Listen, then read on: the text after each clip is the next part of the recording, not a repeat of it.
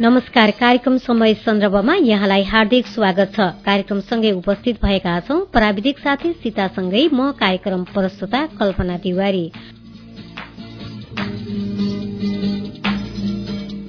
तपाई यति बेला महिला समानताका लागि संचार अभियानद्वारा सञ्चालित सामुदायिक रेडियो रेडियो मुक्ति पञ्चानब्बे थुप्लो पाँच सुनिरहनु भएको छ। तपाईँले हामीलाई रेडियोको website WWW dot radio Mukti dot ORG login गरी अर्थात मोबाइल एप्लिकेशनको हाम्रो पात्रोमा रेडियो मुक्ति बुटोल सर्च गरेर संसारभर एकैसाथ सुन्न सक्नुहुनेछ। विशेष गरी कार्यक्रम समय सन्दर्भ हरेक दिन बिहान सात तीस बजेदेखि तपाईँ सुन्दै आउनु भएको छ। हामीले यस कार्यक्रममा समसामयिक विषयवस्तुहरूको उठान गर्ने गर्दछौं। यसै गरी यति बेला प्रत्येक वर्ष नोभेम्बर पच्चीस तारिकदेखि दस डिसेम्बरसम्म मनाइने अन्तर्राष्ट्रिय लैंगिक हिंसा विरूद्धको दिवस अभियान सञ्चालन भइरहेको छ। नेपालमा पनि घरैबाट शुरू गरौं महिला हिंसा अन्त्य गरौं भन्ने राष्ट्रिय नारासँगै विभिन्न कार्यक्रमका बीच यो दिवस मनाइएको छ। आज नोभेम्बर उन्तिस तारिक अर्थात मक्सिर तेह्र गते सोमबार सोह्र दिने लैंगिक हिंसा विरूद्धको दिवसभित्र आजको दिनलाई महिला मानव अधिकार रक्षक दिवस भनेर मनाइने गरिन्छ।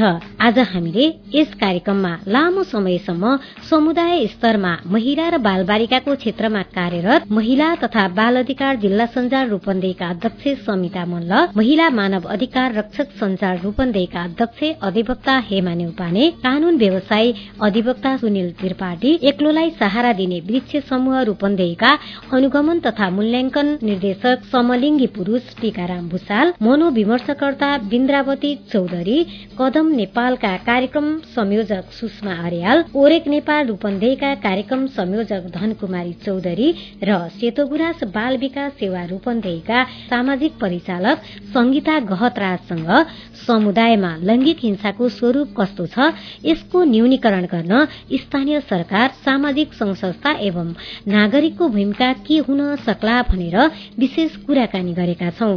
कार्यक्रममा रहेर अब सुनौ उहाँहरूको भनाई जस्ताको तस्तै। नमस्कार धन्यवाद। म समिता मल्ल। म महिला तथा बाल अधिकार जिल्ला सञ्जालको संयोजक र म भैरवा रूपन्देहीमा बस्छु।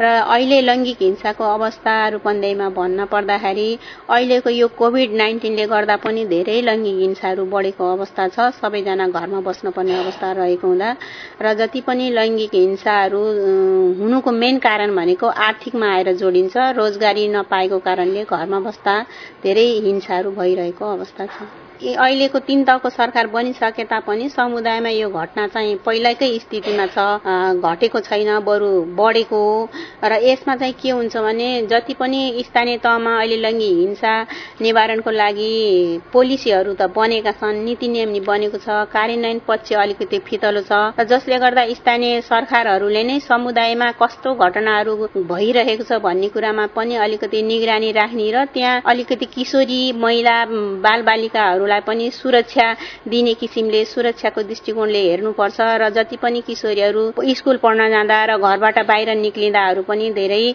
घटनाहरू घट्ने गरिरहेका छन् र पढ्न जाँदा जस्तै दस कक्षा पढिसकेपछि प्लस टू पढ्नलाई घरभन्दा अलिक टाढा जान पर्दा पनि बाटोमा हिँड्दा पनि हिंसा बेहोर्नु परेको छ। त्यसले गर्दा सुरक्षामा चाहिँ अलिकति राम्रोसँग हेर्नुपर्छ भन्ने जस्तो लाग्छ। कार्यान्वयन चाहिँ छैन। नीति नै बनेको छ। कतिपय स्थानीयमा कोष पनि खडा भएको भएको छ र त्यो कोष पनि परिचालन भइरहेको चाहिँ अवस्था चाहिँ छैन। अब त्यसमा चाहिँ कस्तो हुन्छ भने कोषहरूलाई चाहिँ समुदाय लेभलमा भएका किशोरी अधिकार मञ्च विभिन्न संघ संस्थाहरूले चाहिँ एडभोकेसी गरेर त्यहाँ घटेका घटना घटना घटेका किशोरीहरूलाई जुन जुन लङ्गी हिंसामा पर्नुहुन्छ तिनलाई तुरुन्तै खबर गरेर स्थानीय तहमा जानकारी गराउने र त्यो कोषलाई चाहिँ परिचालन गराउनको लागि पैरवी गर्नुपर्छ जस्तो लाग्छ। लैङ्गिक हिंसा अन्त्यका लागि चाहिँ हामीले यो अहिले सोह्र दिने अभियान अन्तर्गत विभिन्न संघ संस्थाहरू जुन नेटवर्कमा रहनु भएको थियो सबै संस्था बसेर एउटा छलफल बैठक पनि राख्यौँ र आफ्नो कार्यक्षेत्रमा चाहिँ आफ्नो तरिकाले कार्यक्रम गर्ने र जिल्ला लेभलमा चाहिँ एउटा अलिकति सबैले देखिने गरी किसिमले जुन समुदायमा भएको हिंसाहरू छ त्यसलाई न्यूनीकरण गर्नको लागि जिल्ला लेभलको एउटा कार्यक्रम गर्ने भन्ने किसिमले हामीले कार्यक्रम योजना गरेका छौँ। र यसमा चाहिँ नेटवर्कले चाहिँ सबै संघ संस्थाहरू चाहिँ पैरवी नै गर्नुपर्छ जस्तो लाग्छ मलाई। एउटा संस्थाले मात्रै भनेर आवाज उठाउँदा त्यहाँ सुनाइ हुँदैन र हामी हामी नेटवर्क नै गएर स्थानीय तहमा सङ्घमा प्रदेशमा शुद्ध समुदायको आवाज उठाउने हो भने चाहिँ कार्यान्वयन हुन्छ जस्तो लाग्छ। यसमा चाहिँ लैङ्गिक हिंसा न्यूनीकरण गर्नको लागि चाहिँ हामी म लगायत मेरो सञ्जाल सधैँ नै मेरो नाम हेमा नेउपाने पेसाले कान व्यवसाय। म महिला मानव अधिकार रक्षक सञ्जाल रूपन्देहीको अहिले जिल्ला अध्यक्ष छु। पेसाको हिसाबले म जिल्लामा सुरु जिल्ला अदालत भएको हुनाले विशेष गरेर जिल्ला अदालतमै बढी काम गर्ने गरेका छु। र यो हामी अहिले सोह्र दिन अभियान अन्तर्गत छौँ। यहाँले राख्नु कुरा राख्नुभयो जस्तै। प्रत्येक वर्ष हामी मनाउँछौँ। तर मनाइरहँदाखेरि हामी झन् जति पछि भयो उति हिंसाका स्वरूपहरू फेरिँदै गएको चाहिँ पाउँछौँ हामी। हामीले हाम्रो आमा हजुरआमाले भोगेका महिला हिंसा र हामीले भोगेका र हाम्रा छोरीले भोगेका महिला हिंसाका घटनाहरू केही फरक छ र सँगसँगै के छ भने अहिले फेरिको कानूनले पनि केही कुरा जटिलता ल्याएको छ। केही कुरालाई हामी समाधान गर्न खोजिरहेको हुन्छौँ भने केही कुरा त्यसले फेरि नराम्रो असर पनि गरिरहेको चाहिँ हामी भेटिरहेछौँ। जस्तै बाल विवाहका कुरा भयो। बाल विवाहका कुरा हामी बिस वर्षको उमेर राख्दाखेरि केही अप्ठ्याराहरू हामीले अहिले अप्ठ्यारा देखेका छौँ। जस्तै अठार वर्षमै विवाह भइरहेको छ सोह्र वर्षमै विवाह भइरहेको छ र बिस वर्ष नहुँदासम्म बिहा दर्ता नहुने अवस्था र बिस वर्ष उमेर पुगिदिइसक्दासम्म बच्चा जन्मेको अवस्था छ भने बच्चाको जन्म दर्ताका कुराहरू बिहा दर्ताका कुराहरू र बिहा दर्ता हुन नपाउँदै बच्चा जन्मेको अवस्था र त्यसमा फेरि पति पत्नीको सम्बन्धमा चाहिँ समस्या आउने कारणले फेरि त्यहाँ बाल अधिकारको पनि हनन भइरहेको छ महिला अधिकारको भइरहेको छ अंश नपाइरहेको अवस्था नागरिकता नबनेको अवस्था छ। गर्दाखेरि त्यो हिंसाको रूप चाहिँ फेरिएको अवस्था छ। त्यस्तै सम्बन्ध विषय कुरा अब अहिले चाहिँ कान्छो विवाह अथवा कान्छो श्रीमती श्रीमान जुन दोस्रो बिहालाई चाहिँ कानूनले स्वत बदर गर्ने अवस्था गरिदिएको छ। तिनवटा बच्चा छ सोह्र वर्षको उमेरमा बिहा भएको छ चारवटा बच्चा छ। अब आफू चाहिँ तिस वर्ष पैँतिस अथवा चालिस वर्षको हाराहारीमा आएको महिला हुनुहुन्छ। उहाँको श्रीमानले चाहिँ अदालतमा डिभोर्स मुद्दा हाल्नु भएको छ। पचपन्न वर्षको पुरुषले पचपन्न वर्षको पुरुषले पचहत्तर पैँसठी वर्षको पुरुषले चाहिँ अदालतमा डिभोर्स मुद्दा हालेको अवस्था छ भने। अब त्यो पचपन्न वर्षको महिला नाति नातिना जन्मिसकेको अवस्थामा सम्बन्ध विशेष गरेर कहाँ जानु? किन सम्बन्ध विशेष मुद्दा परिरहेको छ भन्दा? कानूनले सम्बन्ध विशेष गर्न पाउने दुवैलाई अधिकार दिएको छ र त्यहाँ जोडिएको विषय के छ भन्दा? उहाँले अर्को विवाह गर्नु छ। उहाँले अर्को सेकेन्ड श्रीमती ल्याउनको लागि जेठोसँग सम्बन्ध विशेष नगरी कान्छो श्रीमती विवाह गर्न पाइँदैन। त्यसको लागि चाहिँ जबरजस्ती चाहिँ अब चाहिँ सम्बन्ध विशेषका मुद्दाहरू परिरहेको अवस्था हुँदाखेरि अब हिंसाका रूप चाहिँ फेरिएका छन्। यो कुरा चाहिँ एकदम सत्यता हो। हो एउटा कुरा के परिवर्तन आएको छ सकारात्मक परिवर्तन के आएको छ भन्दा हामीले अब यो कला पेस थालेको धन्य सत्र अठार वर्षको अवधिमा हेर्दाखेरि एउटा मूल्याङ्कन गर्दाखेरि पहिले चाहिँ हिंसा लुकाउने चलन बढी थियो हिंसा सहेर बस्ने चलन बढी थियो अब बाहिर ल्याए इज्जत जान्छ भन्ने समस्या बढी थियो भने अहिले चाहिँ होइन है हिंसा सहनु हुन्न अब हामी बाहिर जानुपर्छ। फलानाले पनि त डिभोर्स गरेर बसेको छ खै सक्छ सफल छ गरिरहेको छ किन हुन्न? फलालले अंश दिएर अंश लिएर भिन्नै बसेको छ किन हुन्न? अथवा अनि एउटा कुरा के छ भने अहिलेको स्थितिमा आउँदाखेरि मैले मेरो अनुभवमा चाहिँ सम्बन्ध विषय गर्दा अंशै लिएर चाहिँ सम्बन्ध विषय गर्नेको संख्या पनि बढेको छैन घट्दो छ। चार आठ दस वर्ष चाहिँ लडेर अंश लिएर छुट्टिनु भन्दा बिना अंशको छुट्टिने यदि आठ दस वर्ष छ भने त उसले दिने अंश चाहिँ म कमाउन सक्छु भन्ने पनि क्षमताको विकास पनि यहाँ देखिएको छ। यसरी चाहिँ अंश लिएर एउटा चाहिँ हिंसा भएको कुरा स्वीकार नगर्ने नसहेर बाहिर आउनेको पनि एउटा सकारात्मक परिवर्तन देखिएको छ भने एउटा चाहिँ आत्मनिर्भर भएर आर्थिक रूपमा आत्मनिर्भर भएर हिंसा नसहनु। दुईटा कुरा छ एउटा त्यसै हिंसा नसहनु एउटा चाहिँ आत्मनिर्भर नसहनु र उसँग बसेर हिंसा सहनु भन्दा मैले आर्थिक रूपमा आफू चाहिँ खुट्टामा टेकेर म चाहिँ आफ्नो जीवनयापन गर्न सक्छु। मैले जन्माएका छोराछोरी जब म जन्म दिन सक्छु छोराछोरीलाई पनि म पाल्न पनि सक्छु। त्यति क्षमता चाहिँ हामीसँग छ भन्ने विचार चाहिँ महिलाहरूमा चाहिँ देखिएको मैले आफूले प्रत्यक्ष अनुभव गरेको कुरा छ। हामी चाहिँ अब यो सञ्जाल भनेकै विभिन्न सङ्घ संस्थासँग जोडिएका मानव अधिकार विशेष गरेर अझै महिलाका अधिकारसँग जोडिएका क्षेत्रमा काम गर्नेहरूकै गठन यो सञ्जाल भनेकै त्यही हो। अब यसमा चाहिँ पत्रकारदेखि लिएर सबै क्षेत्रमा काम गर्ने हुनुहुन्छ। यसमा चाहिँ हामी विशेष गरेर अब अहिले हामी अब अहिले लगातार चाहिँ किशोरीहरूसँग काम गरिरहेका छौँ। किनभने किशोरी अवस्थामा हुँदाखेरिका पीडा जस्तो बाल मस्तिष्कमा चाहे राम्रो कुरा हो चाहे नराम्रो कुरा जुनसुकै अवस्थाको कुरा भने त्यति बेला सिकाइएका संस्कारहरू त्यति बेला दिएका यातना अथवा त्यति बेला दिएका प्रोत्साहनका चाहिँ कामहरूले जीवनभर चाहिँ अमिट छाप चाहिँ आफ्नो बाल मस्तिष्कमा चाहिँ रहन्छ र त्यो नमर्दासम्म त्यो छाप मेटाउन सक्ने अवस्था चाहिँ रहँदैन। त्यसरी हामी अहिले चाहिँ किशोरहरूसँग रहेर नजिक भर्दै काम गरिरहेछौँ र स्थानीय सरकारसँग पनि हाम्रा चाहिँ पटक पटक हामी चाहिँ स्थानीय सरकारसँग पनि जुधिरहेका छौँ। यहाँहरूसँग हाम्रा आइपरेका समस्याहरूका विषयमा उहाँलाई जानकारी गरिरहेछौँ र हाम्रा चाहिँ समर्थन पनि छ र यहाँहरूबाट स्थानीय सरकारबाट विशेष गरेर न्यायिक समितिसँग हामी नजिक भएर काम गरिरहेको हुनाले यहाँहरूबाट सहयोग पनि छ। हो कतिपय कुराहरू चाहेर नचाहेर पनि सबै कुरा गर्नु नसकिने अवस्था हामीमा पनि छ र स्थानीय सरकारलाई पनि छ विशेष गरेर न्यायिक समितिलाई पनि छ। किनभने अब हामी सँगै प्रणालीमा चाहिँ भर्खर मात्रै गछौँ। हुन त भर्खर भन्दा भन्दै पाँच वर्ष अवधि भइसकेको छ। तापनि हामी प्र्याक्टिसमै छौँ र यसलाई हामीले नयाँ कानून बनाएर लागू गर्न हामीलाई केही समय लाग्ने लागेको र अब फेरि अर्को चुनावको चाहिँ फेरि तारतम्य चाहिँ जुट्न सकेको त्यो माहौल फेरि सुरु भएको हुनाले पनि केही कामहरू चाहिँ ओझेलमा परेको अवस्था चाहिँ हामीले महसुस गरेका छौँ। तापनि हामी घचुचाइरहेका छौँ र हामी पनि यस अधिकार यस क्षेत्रमा चाहिँ निरन्तर लागिरहेका छौँ। लागिरहेर नै सफल हुन्छ भन्ने कुरामा हामी विश्वस्त छौँ। हामीले बिस वर्ष अघि भोगेका महिलाले भोगेका पीडा र अहिले भोगेका पीडामा हामी केही भिन्नता पाउँछौँ। केही चाहिँ आत्मबल भएको चाहिँ महसुस गरेका छौँ। त्यसलाई हामी यसमा निरन्तर लागिरहनेछौँ। मेरो प्रतिबद्धता व्यक्तिगत रूपमा भन्नुपर्दा या संस्थागत भन्नुपर्दा हामी यो क्षेत्रमा छौँ। अब यो क्षेत्रबाट हामी अरू विकल्प अब यतिखेरसम्म हामी केही पनि भेटाउन सकेका छैनौँ। हामी यो क्षेत्रमा निरन्तर चाहिँ जीवनकालसम्म लागिरहने छौँ छु भन्दै यहाँले यो जुन कुरा राख्ने समय दिनुभयो त्यसको लागि धन्यवाद आभार। म अधिवक्ता सुनिल त्रिपाठी म रूपन्देही जिल्ला अदालत बार एसोसिएसनको केन्द्रीय पार्षद र विशेष गरेर महिला र बालबालिकाकै क्षेत्रमा म काम गर्छु कानून व्यवसाय गर्छु र मसँग विशेष गरी मुद्दाहरू महिला र बालबालिकासँग सम्बन्धित नै आउँछन् र यो जिल्लामा हेर्ने भने लुम्बिनी प्रदेशमै विगत वर्षदेखि या भनौँ एक दुई वर्ष अगाडिदेखि महिला हिंसाका केसहरू धेरै बढिरहेका छन्। सम्बन्ध विच्छेदका कुराहरू आयो बालिका महिला उप चाहिँ बलात्कारका कुराहरू आयो हत्याका कुराहरू आयो र जुन अहिले राष्ट्रिय नारा अन्तर्राष्ट्रिय नारा छ घरबाटै सुरु गरौँ भन्ने किसिमबाट घरेलु हिंसाको अन्तको त्यो ठ्याक्कै एकदमै मिल्दो छ किनभने हिंसाको सुरुवात नै घरबाट हुँदो रहेछ। र हामी कतिपय परिवारमा सभ्य सम्भ्रान्त परिवारहरूमा हामीले थाहा पाउँछौँ हेर्छौँ क्या हिंसा हुँदैन हाम्रो बुझाइमा। तर सबभन्दा बढी हिंसा त्यहीँबाट सुरु हुन्छ जुन कि समाजमा उजागिर नै हुँदैन। र त्यहाँ दबिएर बसेर हिंसा सादा सादा अन्त्य भएर चाहिँ उसले आफ्नो प्राण त्याग गर्नु गर्नुपर्ने हुन्छ। र केही महिला दिदीबहिनी साहसी महिला दिदीबहिनीहरूले त्योलाई प्रतिकार गरेर जुन समाजभन्दा घरभन्दा बाहिर निस्केर त्यो लडाइँमा हामी पनि साथ दिइराखेका विशेष गरी मैले यस्ता मुद्दाहरू मैले निशुल्क रूपमा उहाँहरूको कानुन सहायता दिन्छु। मैले व्यक्तिगत रूपमा कुनै संस्थागत नभएर र केही संस्थाहरूले उहाँले आर्थिक रूपमा सहयोग गरिदिए पनि जस्तो अरू सहयोगहरू पनि हुन्छ। र यसमा जस्तो बाल विवाहका कुराहरू आयो। खाना लाउन नदिने महिला र बच्चा सहितको घरलाई पत्नीलाई घरबाट निकाला गरिदिने उनको सम्पत्तिमा पहुँच नदिने त्यस्ता महिलाहरूको लागि विशेष गरेर यो अंशनाम सारी भयो सम्बन्ध विच्छेदका कुराहरू आयो।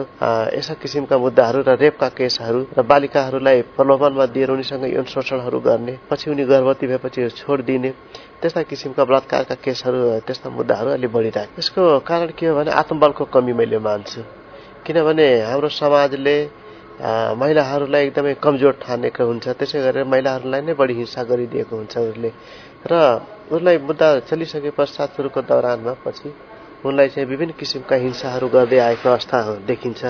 र त्यो हिंसामा उनलाई कमजोर बनाउने विभिन्न षड्यन्त्रहरू गरिरहन्छ। र अदालतसम्म आएका कुराहरूमा अदालतमा मुद्दा दायर भएर पीडक चाहिँ सजाय भोगिरहेको अवस्थामा पनि विभिन्न प्रलोभन दिएर त्यस्ता महिलाहरूलाई निरुत्साहित गर्ने उद्देश्यले चाहिँ आर्थिक प्रलोभनहरू दिने उनलाई सामाजिक परिवर्तन दिने समाजमा गाली के अरे बेजती हुन्छ समाजले तिमीलाई पछि स्वीकार गर्दैन जस्ता किसिमका मानसिक टर्चरहरू दिएर मानसिक सन्तुलनलाई नै बिगारिदिने किसिमबाट चाहिँ उनलाई हतोत्साहित गरेर त्यस्ता मुद्दाहरूलाई निरुत्साहित गर्न खोज्छन्। तर पनि मलाई लाग्दैन कि त्यस्तो मुद्दाहरूमा अलिकति हस्टाइज भएको पाइन्छ दिदीबहिनीहरू होइन? मुद्दाहरूमा हस्टाइज भइदिने। र कानुन बलियो छ र अहिलेको न्याय प्रणालीलाई हेर्ने हो भने त्यस्तो हस्टाइज भएका मुद्दाहरूमा पनि त्यो कारण रहेको न्यायाधीशज्यूहरूले पत्ता लगाएर पनि त्यस्तामा उसलाई पीडकलाई पनि जरिवाना गरेको देखिन्छ।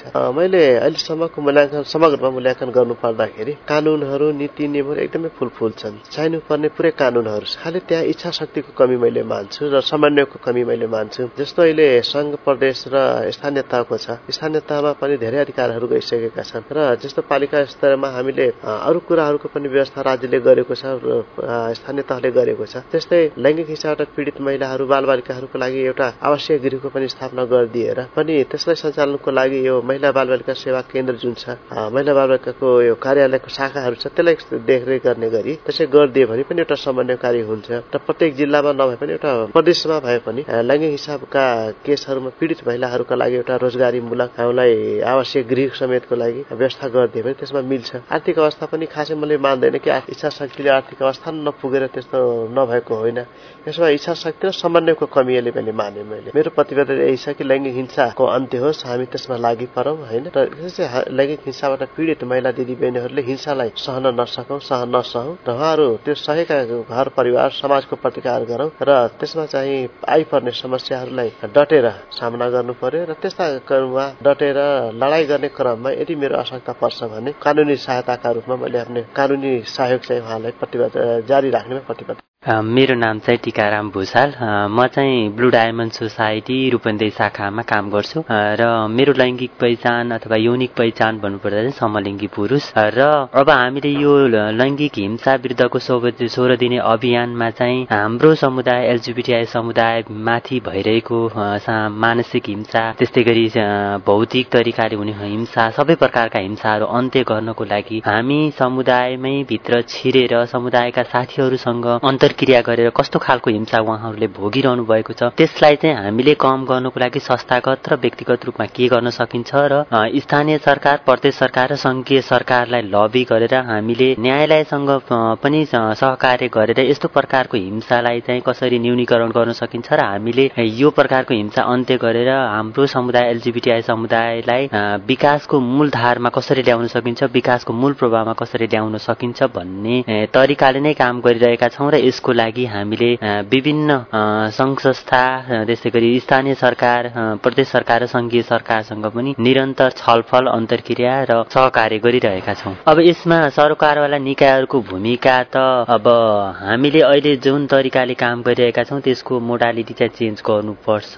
किनभने हामी अझै पनि पुरातन पुरातनवादी सोचमा आधारित रहेर नै हाम्रो अभियानहरू सञ्चालन गरिरहेका छौँ। खालि समुदायमा यस्तो खालको हिंसाहरू भइरहेको छ। हामीले यसमा आवाज उठाउने मात्रै काम गरेका छौँ तर वास्तविक पीडितले न्याय अझै पाउन सकेको छैन कि? किनभने हामी जुन तरिकाले आवाज उठाइरहेका छौँ त्यो तरिकाले न्यायालयले पनि नसुनिरहेको अवस्था र वास्तविक प्रगति पनि नभएको अवस्था छ। यसलाई चाहिँ न्यूनीकरण गर्नको लागि अथवा अझै अगाडि बढाउनको लागि चाहिँ हामीले ग्राउन्ड लेभलदेखि माथिल्लो लेभलसम्म सबैसँग सहकार्य गरेर कुन तरिकाले अगाडि बढेर हुन्छ भएका नीति नियमको प्रभावकारी कार्यान्वयन गरेर हुन्छ कि नयाँ नीति नियमहरू बनाएर हुन्छ हामीले अगाडि बढ्यौँ भने चाहिँ बल्ल अझै प्रभावकारी रूपमा यो न्यूनीकरण हुन सक्छ लैङ्गिक हिंसा चाहिँ भन्ने मलाई लाग्छ। अब आउने दिनहरूमा चाहिँ हाम्रो प्रतिबद्धता भनेको मेरो व्यक्तिगत रूपमा र हाम्रो संस्थागत रूपमा प्रतिबद्धताको हाम्रो समुदाय एलजिबिटिआई समुदाय माथि भइरहेको हिंसा मात्रै होइन हामीले सबै प्रकारका हिंसाहरू अन्त्य गर्नको लागि चाहिँ हामीले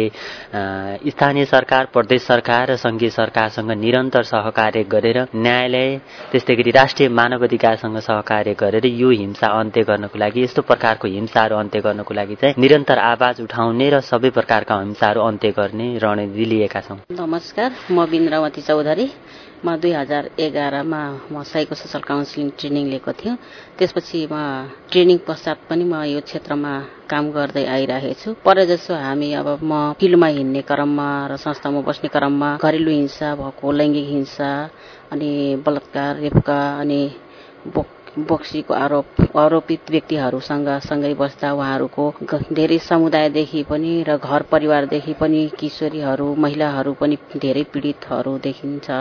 अनि घरमा भएको खास गरी महिला दिदीबहिनीहरू अब बाहिर ननिस्किन पाउनु आर्थिक अवस्थाले कमजोर भएको महिला दिदीबहिनीहरू पनि धेरै पीडित हुनुहुन्छ। अनि समुदायमा पनि उहाँहरूलाई अब बहिष्कार गर्ने जस्तो पनि बोक्सी भनेर आरोपित गर्ने कुराहरू पनि धेरै भेटियो अहिले। यो जुन हाम्रो अब अहिले त जुन टिन एजका बालबालिकाहरू हुनुहुन्छ हाम्रो। त्यो नानीहरू धेरै बाल विवाहले गर्दा पीडित हुनुभएको छ। उहाँले आफ्नो इच्छा अनुसारको अब शिक्षा दीक्षा पढ्न नपाउने पनि हुनुभएको छ। सानै अब दाइजो दाइजो थोरै लाग्ने बिहा गरेर पठाइदिने अभिभावकको मनसायले पनि उहाँहरूको बाल विवाह भएर पनि उहाँहरू धेरै हिंसामा परिराख्नु भएको छ। यस्तै यस्ता समस्याहरूदेखि उहाँ किशोरीहरू जुधिराख्नु भएको छ। घरमा जाँदा हस्बेन्डले उहाँलाई खास गरी माया नगर्ने परिवारले पनि दाइजो लिएर आएन कम छ भनेर उहाँलाई हिंसा गर्ने कुराहरू गरिराखेको हुन्छ। हुन्छ उहाँहरू एकदम मानसिक पीडाले एकदम उत्पीडन भएर पनि उहाँहरू डिप्रेसन शुद्ध परेको महिला दिदीबहिनीहरूसँग पनि धेरै कुराहरू कुराकानीहरू गरिन्छ। खास गरी समुदायमा र घरैदेखि आएको महिला दिदीबहिनी आफ्नै परिवारदेखि आफ्नै अभिभावकदेखि धेरै पीडित हुनुभएको छ। उहाँहरू आफ्नो मनको पीडाहरू पनि भन्न नसक्ने उल्टै परिवारले एकदम दबाब दिने त बिहा गर्नै पर्छ भन्ने कुराहरू पढाइलाई छोडिदिने बरु दाइजो दिन मन्जुर हुनुहुन्छ। उहाँहरू पढाउनको लागि उहाँहरू मन्जुर हुनुहुन्न। किनभने पढाइ पढायो भने अब छोरीले जति पढायो त्यति धेरै दाइजो दिनुपर्ने हुन्छ। अनि जब पढाइ अनुसारको अब मान्छे भेटिन्न दाइजो पनि धेरै दिनु उहाँलाई तीस पैँतिस लाख जति धेरै दाइजो दिनुपर्छ अभिभावक त्यति क्षमता हुँदैन। बरु जताबाट जे भयो भने जुटाएर छोरीलाई सानै उमेरमा बिहा गर्दा कम दाइजो दिनुपर्छ आफू उम्किने सोचमा पनि किशोरीहरू बाल विवाहबाट धेरै पीड़ित हुनुभएको छ। यस्ता त्यस्ता समस्याहरू पनि आइरहेको छ नानीहरूको कुराहरू पनि आफ्नो आफ्नो व्यक्त गर्नुहुन्छ त्यो पीड़ा छाँदैछ। अनि महिलाहरू घरभित्रै भएकोले उहाँहरू पनि आफ्नो चाहे अनुसारको छोरीलाई पनि केही भन्न सक्नुहुन्न। उहाँहरू आफै पीड़ित हुनुहुन्छ। सँगसँगै आमा पनि पीड़ित छोरी पनि पीड़ित भएको पाइएको छ। अनि जुन हाम्रो मधेसी समुदायमा त धेरै भन्दा धेरै दाइजो छ। अहिले त चारैतिर मधेसी मात्रै होइन। आदिवासी जनजातिमा पनि भएको छ। चारैतिर दाइजो जति भने पनि दाइजो त रोकेकै छ। रोकेकै छैन। दाइजोले गर्दा झन हिंसा बढेको छ उहाँहरू। समुदायदेखि लिएर यहाँ केन्द्रदेखि लिएर पनि दाइजोको कुराहरू उठान गर्दा पनि उहाँहरू कहिले घट्दै घट्दैन। त्यो विकृति फैलिरहेको छ। जुन हाम्रो अब महिला दिदीबहिनीलाई जुन कानूनले पनि अब बोक्सी भन्न पाएन भने त्यो छाँदैछ समुदाय लेभलमा। अब बुढी हुने बित्तिकै उहाँ बोक्सी छ भने आरोप लगाएर समाजै बहिष्कार गर्ने जस्ता पनि घटना आएको छ। उहाँहरूसँग कुरा गरेको उहाँहरूलाई धेरै पीड़ाहरू हुन्छ। छपटिराखेको आफ्नै महिला दिदी बहिनीलाई घरबाटै अब बोक्सी छ भने उहाँहरूलाई त आफ्नै घरबाट मान्छेहरू हेल गरिराखेको हुन्छ। न्यायको लागि उहाँलाई एकदम गाह्रो भएको हुन्छ। यसरी यसरी उहाँहरूको पीड़ा हुन्छ अनि बलात्कार भएको जुन बालिकाहरू हुन्छ उहाँहरूलाई न्यायको लागि धेरै गाह्रो अप्ठ्यारो भएको हुन्छ उहाँहरूले। आफ्नै परिवार अब उसलाई न्याय दिलाउने हो कि काम गर्ने हो भनेर सँगसँगै नहिँड्दा पनि उहाँहरूलाई त्यो जुन पाउने न्यायसम्म पुग्न नसकेर केसै फितालो भएको पनि पाएको। उहाँहरू आफ्नो पीड़ा पनि पीड़ा भएर पनि म पीड़ित भन्न पनि नसक्ने अवस्था पनि भेटिएको छ। जुन बलात्कारित जुन हाम्रा नानीहरू भएको हुन्छ त्यो पनि सानै उमेरको हुन्छ चौध पन्ध्रको हुन्छ सोह्र सत्रको पनि बलात्कार भएको घटनाहरू त्यो नानीहरूसँग धेरै भेट उनीहरूको जुन पीड़ा हुन्छ त्यो पीड़ालाई एकदम नजिकबाट निहाल्ने कुनै पनि अब सरकारले जुन हुन्छ सरकार पक्षले अब के गर्ने त्यो कार्यान्वयनलाई धेरै अगाडि र सहज पनि वातावरण मिलाइदिनु पर्छ अब जति गर्दा गर्दा पनि उहाँ जुन न्याय पाउने ठाउँसम्म उहाँहरूलाई ल्याउन पनि भाडा हुँदैन उनीहरूलाई घरबाट ल्याउन पनि भाडा हुँदैन। कसले त्यो उठान गरिदियोस्। अब संघ संस्था हुन्छ। संघ संस्थासम्म आउँछ।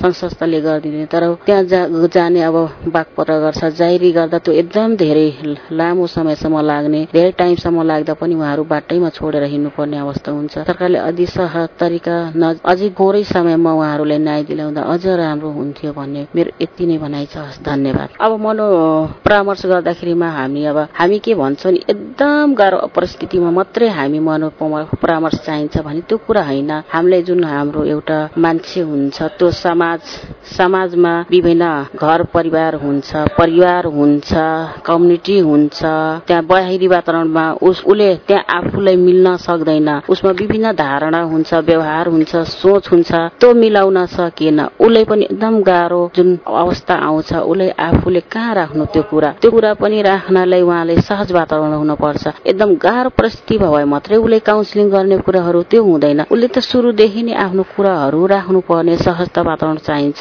सुरादीमा चाहिन्छ सानो नानीलाई चाहिन्छ हाम्रो महिला दिदी बहिनीलाई हामीलाई पनि चाहिन्छ। काउन्सिलिङ भनेपछि त कुराकानी हो। खास गरी त्यो एउटा औषधि हो भन्न पनि मिल्दैन त्यो। कुराकानी हो काउन्सिलिङ कुराकानी उसलाई भनिन्छ होइन? कुराकानीले गर्दा आफ्नो मनका पीड़ाहरू भावहरू बाहिर निस्किन्छ। त्यसपछि उहाँलाई सहज महसुस हुन्छ। उहाँले आफूलाई कुन तरिकाले लाने कसरी निर्णय गर्ने कसरी आफू काम गर्ने सहज वातावरण बनाउने कुराहरू आउँछ। अब एकदम गाह्रो छ व्यक्त गर्नै सक्दैन माहौल पाउँदै पाउन्न। अब ल एकदम डिप्रेसनै भयो। उसले औषधि खाने जस्तो अवस्थामा मात्रै काउन्सिलिङ गरेर त हुँदैन उसलाई। सुरुवातीदेखि उसले गर्यो अहिले बच्चाहरू पढ्ने अवस्थादेखि छ उहाँलाई कस्तो शिक्षा दीक्षा दिने उसले व्यक्त गर्न पाओस्। नाइ कि अभिभावकको कुराले मात्रै दबाब दिएर म यही पढ्नुपर्छ भन्ने होइन। उसको मनोभावना बुझ्नुपर्छ। कुराकानी हो। अब काउन्सिलिङ त अब ल एकदम भनेपछि हामी जस्तोलाई पनि सबैलाई जे जस्तो हुन्छ घरैदेखि उहाँहरूलाई काउन्सिलिङ हुन्छ जस्तै बच्चाले अभिभावकले कुराकानी गरेर काउन्सिलिङ भएको हुन्छ होइन? साथीहरूसँग सेयर गरेर काउन्सिलिङ भएको हुन्छ। सङ्घ संस्थामा पनि आफूभन्दा अब सिनियरले कुराकानी गरेर काउन्सिलिङ गरेको हुन्छ। एकअर्काले मिलाएर अगाडि बढाउनेदेखि लिएर काउन्सिलिङ भएको हुन्छ। कुनै पनि कामलाई सहजमा लैजानको लागि कुराकानी गर्नु राम्रो बनाउनु नै काउन्सिलिङ हो। कुनै पनि विषयलाई लिएर अगाडि बढाउनु कार्यक्रम चलाउनु त्यो पनि काउन्सिलिङ सबै हामी कसरी बुझ्छौँ होइन? त्यो बुझाइ फरक फरक हुन्छ अनि हामी अब सरकारले बुझ्नु गर्ने कुरा पनि हरेक क्षेत्रमा स्कुलदेखि लिएर घरदेखि लिएर त्यो काउन्सिलिङ हरेक ठाउँमा लागू हुन्छ होइन। काउन्सिलिङलाई एकै ठाउँमा सङ्घ संस्थामा मात्रै हुन्छ भन्नुपर्ने छैन।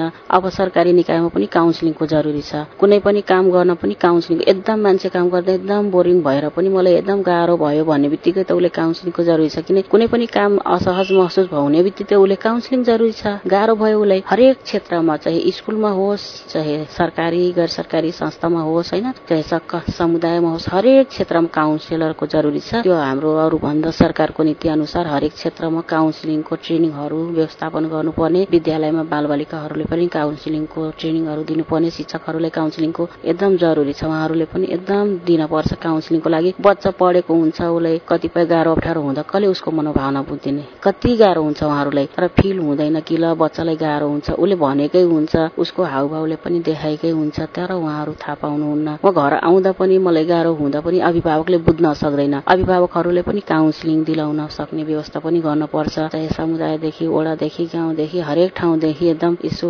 काउन्सिलिङको एकदम महत्वपूर्ण छ। त्यो सहज वातावरण कसरी लैजाने? यदि सहज वातावरण भयो भने कुराकानी गर्न सहज भयो भने अलरेडी कसैले गाह्रो अप्ठ्यारो हुँदैन। त्यो कुराकानीले बोल्ने भाषाले पनि यो हिंसाहरू घट्दै जान्छ। एउटा शब्दले कति मान्छेले गाह्रो अप्ठ्यारो हुन्छ उसले फिलिङ्स गर्ने कुराहरू हुन्छ नि त। कुरा यसरी बोलिदियो भने कि उसले कस्तो मुटुमा घोच्ने कुरा हुन्छ उसले कहाँ जाओस् व्यक्त गर्न? किन आफ्नो परिवारदेखि अभिभावकदेखि दाजुभाइदेखि दिदी बहिनीको कुराहरूदेखि पनि उसलाई गाह्रो भइरहेको छ त्यही भएर हामीले जुन यो हाम्रो काउन्सिलिङको पाटो हो मनोविमर्शको कुराहरूदेखि लिएर आफ्नो घरदेखि हो अनि समुदायदेखि विद्यालयदेखि हरेक क्षेत्रमा एकदम महत्वपूर्ण छ काउन्सिलिङ सरकारले राम्रो यो काउन्सिलिङको नीति लिएर आयो भने चारैतिर सङ्घ संस्थाले मात्रै यो काउन्सिलिङ गर्नुपर्छ भन्ने कुरा छैन। सबैतिरबाट यस्तो व्यवस्थापन गर्यो भने उसले राम्रो ट्रेनिङ दिएहरू कार्यक्षेत्रमा गयो भने एउटा कुरा सेवा लिने व्यक्तिहरू पनि अब त्यहाँ हामीले सहज रूपले हामी वातावरण वातावरण पाएको हुन्छ। वातावरण पाएको हुन्छ उसले राम्रोसँग काम गर्न सक्छ। नमस्कार मेरो नाम धनकुमारी चौधरी। म चाहिँ ओरेक नेपालमा काम गर्छु। अहिले कार्यक्रम अधिकृतको रूपमा रूपन्देही र कपिलवस्तु जिल्लामा चाहिँ काम गरिरहेको छौँ। र रूपन्देही कपिलवस्तु जिल्लामा चाहिँ हामीले किशोरीहरूसँग चाहिँ काम गर्छौँ। विशेष गरी उहाँहरूसँग एकदमै नजिक रहेर। र अहिले चाहिँ रूपन्देही र कपिलवस्तुको यो दक्षिणी भाग यो भारतसँग जोडिएको सिमानाकासँग जोडिएको क्षेत्रहरूमा नै बढी हामीले टार्गेट गरेर गरिरहेको छौँ र त्यसमा हेर्ने हो भने चाहिँ किशोरीहरू चाहिँ बढी यो घरेलु हिंसा अनि कार्यक्षेत्रहरूमा हुने हिंसा बाल विवाह जस्तो समस्याहरूबाट चाहिँ धेरै प्रभावित भएको चाहिँ देखिन्छ। र अहिलेको हकमा हेर्ने हो भने चाहिँ किशोरीको यौनिकतामाथिको नियन्त्रण गरिएको चाहिँ बढी देखिएको छ। त्यसले गर्दा नै चाहिँ बाल विवाह बढी बाल विवाह भइरहेको र उहाँहरूको चाहिँ गतिशीलतामाथि चाहिँ नियन्त्रण गरिएको विभिन्न अवसरहरूबाट चाहिँ वञ्चित गराइएको अवस्थाहरू देखिएको छ। अब कुनै एक ठाउँको किशो किशोरी छोरीलाई चाहिँ अब भागेर विवाह गरे गरेको खण्डमा चाहिँ त्यो ठाउँमा चाहिँ स्वीकार्य चाहिँ हुँदैन। त्यसले गर्दा नै छिटै विवाह गरिदिने प्रचलन पनि बढेकै छ। र यसरी हेर्दाखेरि चाहिँ सार्वजनिक स्थलहरूमा चाहिँ हुने हिंसा अनि घरेलु हिंसा किशोरीहरूलाई चाहिँ अब कामको बोझ पनि बढी छ कार्य बोझ पनि बढी छ। र अब पुरुषहरू किशोरहरू सरह चाहिँ किशोरीहरूलाई चाहिँ पढ्ने अवसर बाहिर हिँडुल गर्ने अवसर सूचनाका हकदेखि लिएर लिएर हरेक कुराहरूमा चाहिँ पछाडि नै पारिएको छ। अब त्यसमा हेर्दाखेरि चाहिँ स्थानीय तहले नै त्यसको जिम्मेवारी लिएर चाहिँ त्यस त्यस्तै खालको चाहिँ योजनाहरू निर्माण गरेर चाहिँ कार्यान्वयन गर्नुपर्ने देखिन्छ र कतिपय कुराहरू चाहिँ कार्यक्रमको योजनाहरू बनाइन्छ तर अब कानुनमा भएका कुराहरू पनि कार्यान्वयन नभएको अवस्थाहरू पनि छ होइन? र अहिले त अब लुम्बिनी प्रदेशले यो बाल विवाह अन्त्यका लागि चाहिँ यो बाल विवाह सम्बन्धी चाहिँ दस वर्ष रणनीतिक योजना पनि तयार तयार पारेको छ।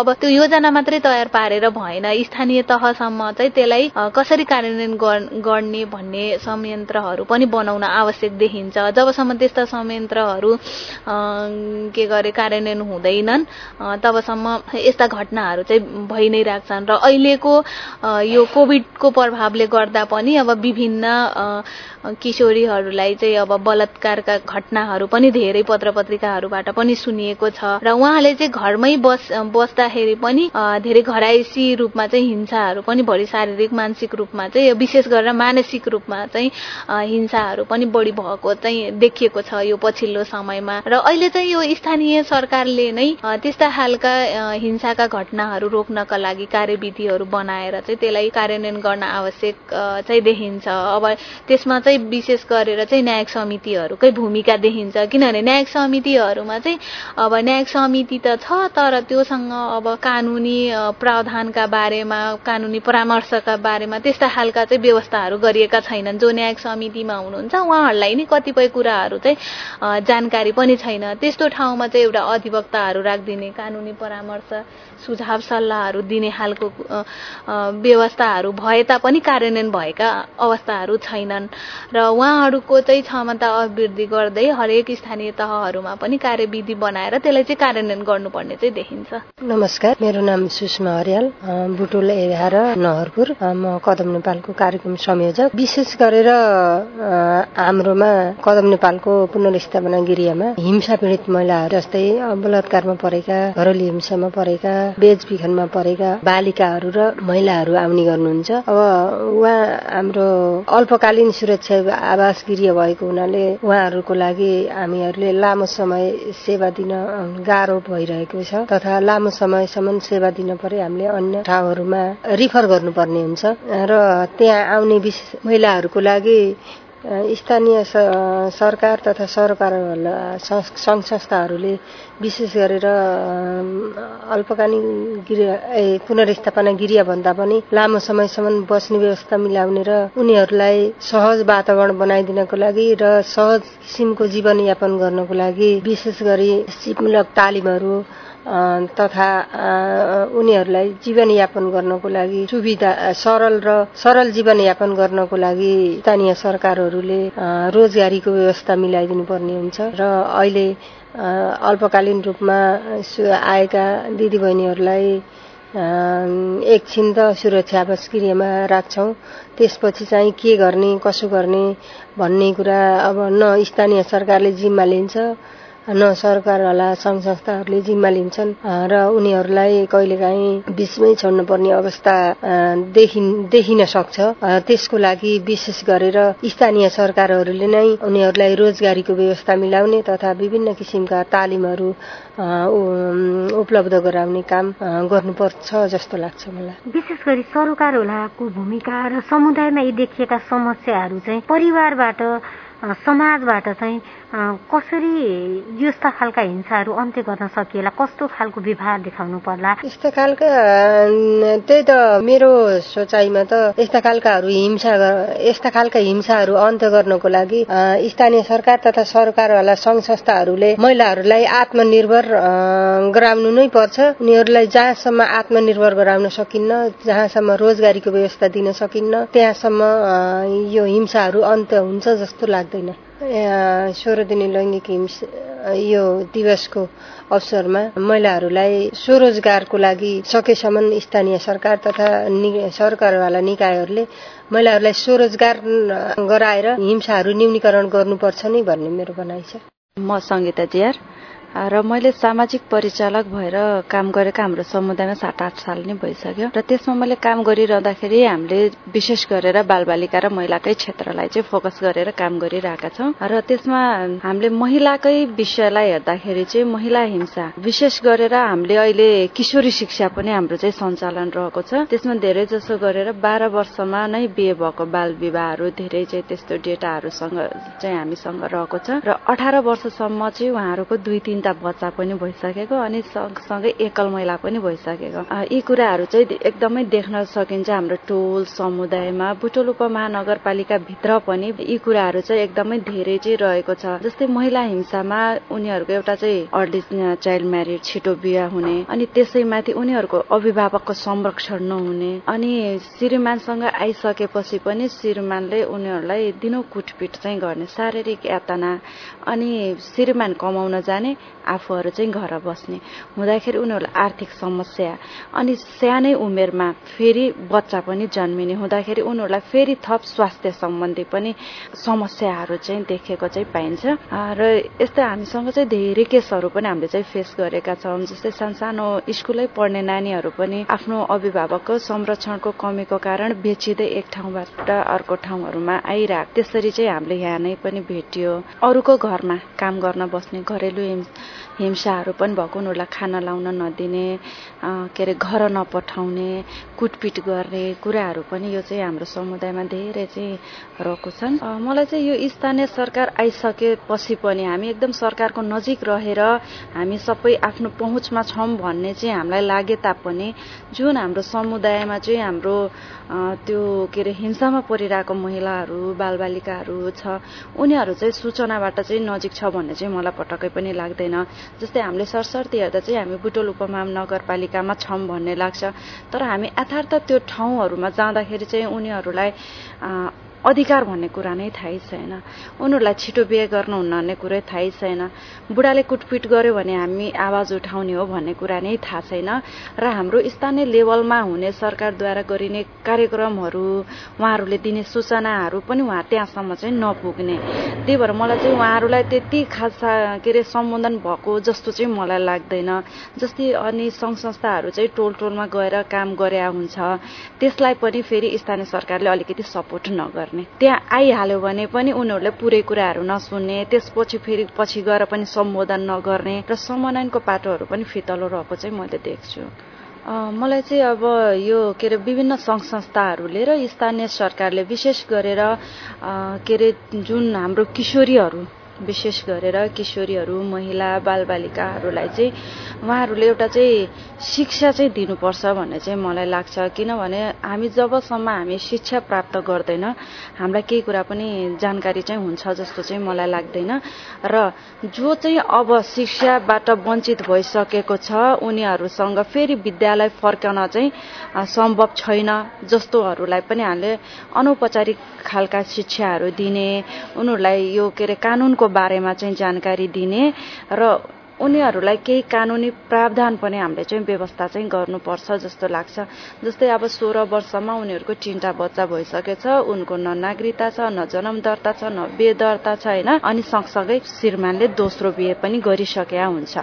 अनि उसँग चाहिँ न के अरे सम्पत्तिको अधिकार छ न उसँग आफ्नो केही कमाइ छ। हरेक कुराहरूबाट वञ्चित हुँदाखेरि चाहिँ उसले भोलिको दिनमा चाहिँ के गर्ने? त्यो कुराहरूले पनि उनीहरूलाई झन् एकदमै समस्या चाहिँ परिरहेको चाहिँ हुन्छ। त्यस्तो खालको महिलाहरूलाई किशोरीहरूलाई हामीले चाहिँ कसरी सम्बोधन गर्छौँ भनेर नि हाम्रो स्थानीय सरकारले चाहिँ यसमा चाहिँ विचारधीन चाहिँ गर्नुपर्छ जस्तो चाहिँ मलाई लाग्छ। म आफूले चाहिँ लैङ्गिक हिंसा अन्त्यको लागि आफूले प्रतिबद्धता गर्न चाहिँ के चाहन्छु भने हामी जति पनि हामीसँग आफूले जानेका कुराहरू छ अधिकारको विषयहरू छ हामीसँग विभिन्न हामी सङ्घ संस्थाहरूसँग लागेर उनीहरूलाई उनीहरूलाई विशेष गरेर हामीले जनचेतना चाहिँ दिनुपर्छ शिक्षा दिनुपर्छ कानुनको बारेमा बताउनुपर्छ र उनीहरूले आफ्नो आवाज चाहिँ आफै पनि उठाउन सक्ने हुनुपर्छ भन्ने कुराहरूलाई चाहिँ हामी त्यसलाई चाहिँ एउटा सचेतनामूलक कार्यक्रमहरूबाट पनि हामी गर्न सक्छौँ भन्ने लाग्छ र अरूको आवाज पनि आफू बनेर बोल्दा पनि कतिपय ठाउँमा चाहिँ उनीहरू हिंसाबाट पनि बच्न चाहिँ सक्छन् भन्ने चाहिँ लाग्छ। कार्यक्रममा रहेर हामीले लामो समयदेखि समुदाय स्तरमा काम गरेका अभियन्ताहरूको कुरा सुन्यौं। विशेष गरी हिंसा घटेको छैन पहिले समाजमा यस्ता घटना लुकाइन्थ्यो भने अहिले बाहिर आउन थालेका छन्। यसर्थ लैंगिक हिंसाको अन्त्य गर्न स्थानीय सरकार र हामी सबै सरोकारवालाको सहकार्य समन्वय आवश्यक छ भने विशेष गरी सरकारद्वारा निर्माण गरिएका ऐन कानून कार्यान्वयनमा ल्याउन आवश्यक रहेको पनि अभियन्ताहरू बताउँछन्। यिनै कुराकानीसँगै हामी कार्यक्रमको अन्त्यमा आएका छौं। यतिन्जेलसम्म रेडियो नजिक रहेर हामीलाई कार्यक्रम सुनेर साथ दिनुभयो। तपाईँलाई धेरै धन्यवाद। आज उपस्थित भएर लैंगिक हिंसा विरूद्धको अभियानमा हामीलाई विशेष कुराकानी सँगै सहयोग गर्नुहुने अतिथिज्यूहरूलाई विशेष धन्यवाद दिँदै प्राविधिक कक्षबाट साथ दिने साथी सीतालाई विशेष आभार प्रकट गर्दै म कार्यक्रम प्रस्तुता कल्पना पनि आजलाई कार्यक्रम समय सन्दर्भ एवं लैंगिक हिंसा विरूद्धको सोह्र दिने अभियान दिवस विशेष कार्यक्रमबाट विदा हुन्छु। हवस्त नमस्ते सुन्दै गर्नुहोला रेडियो मुक्ति। शुभ दिन।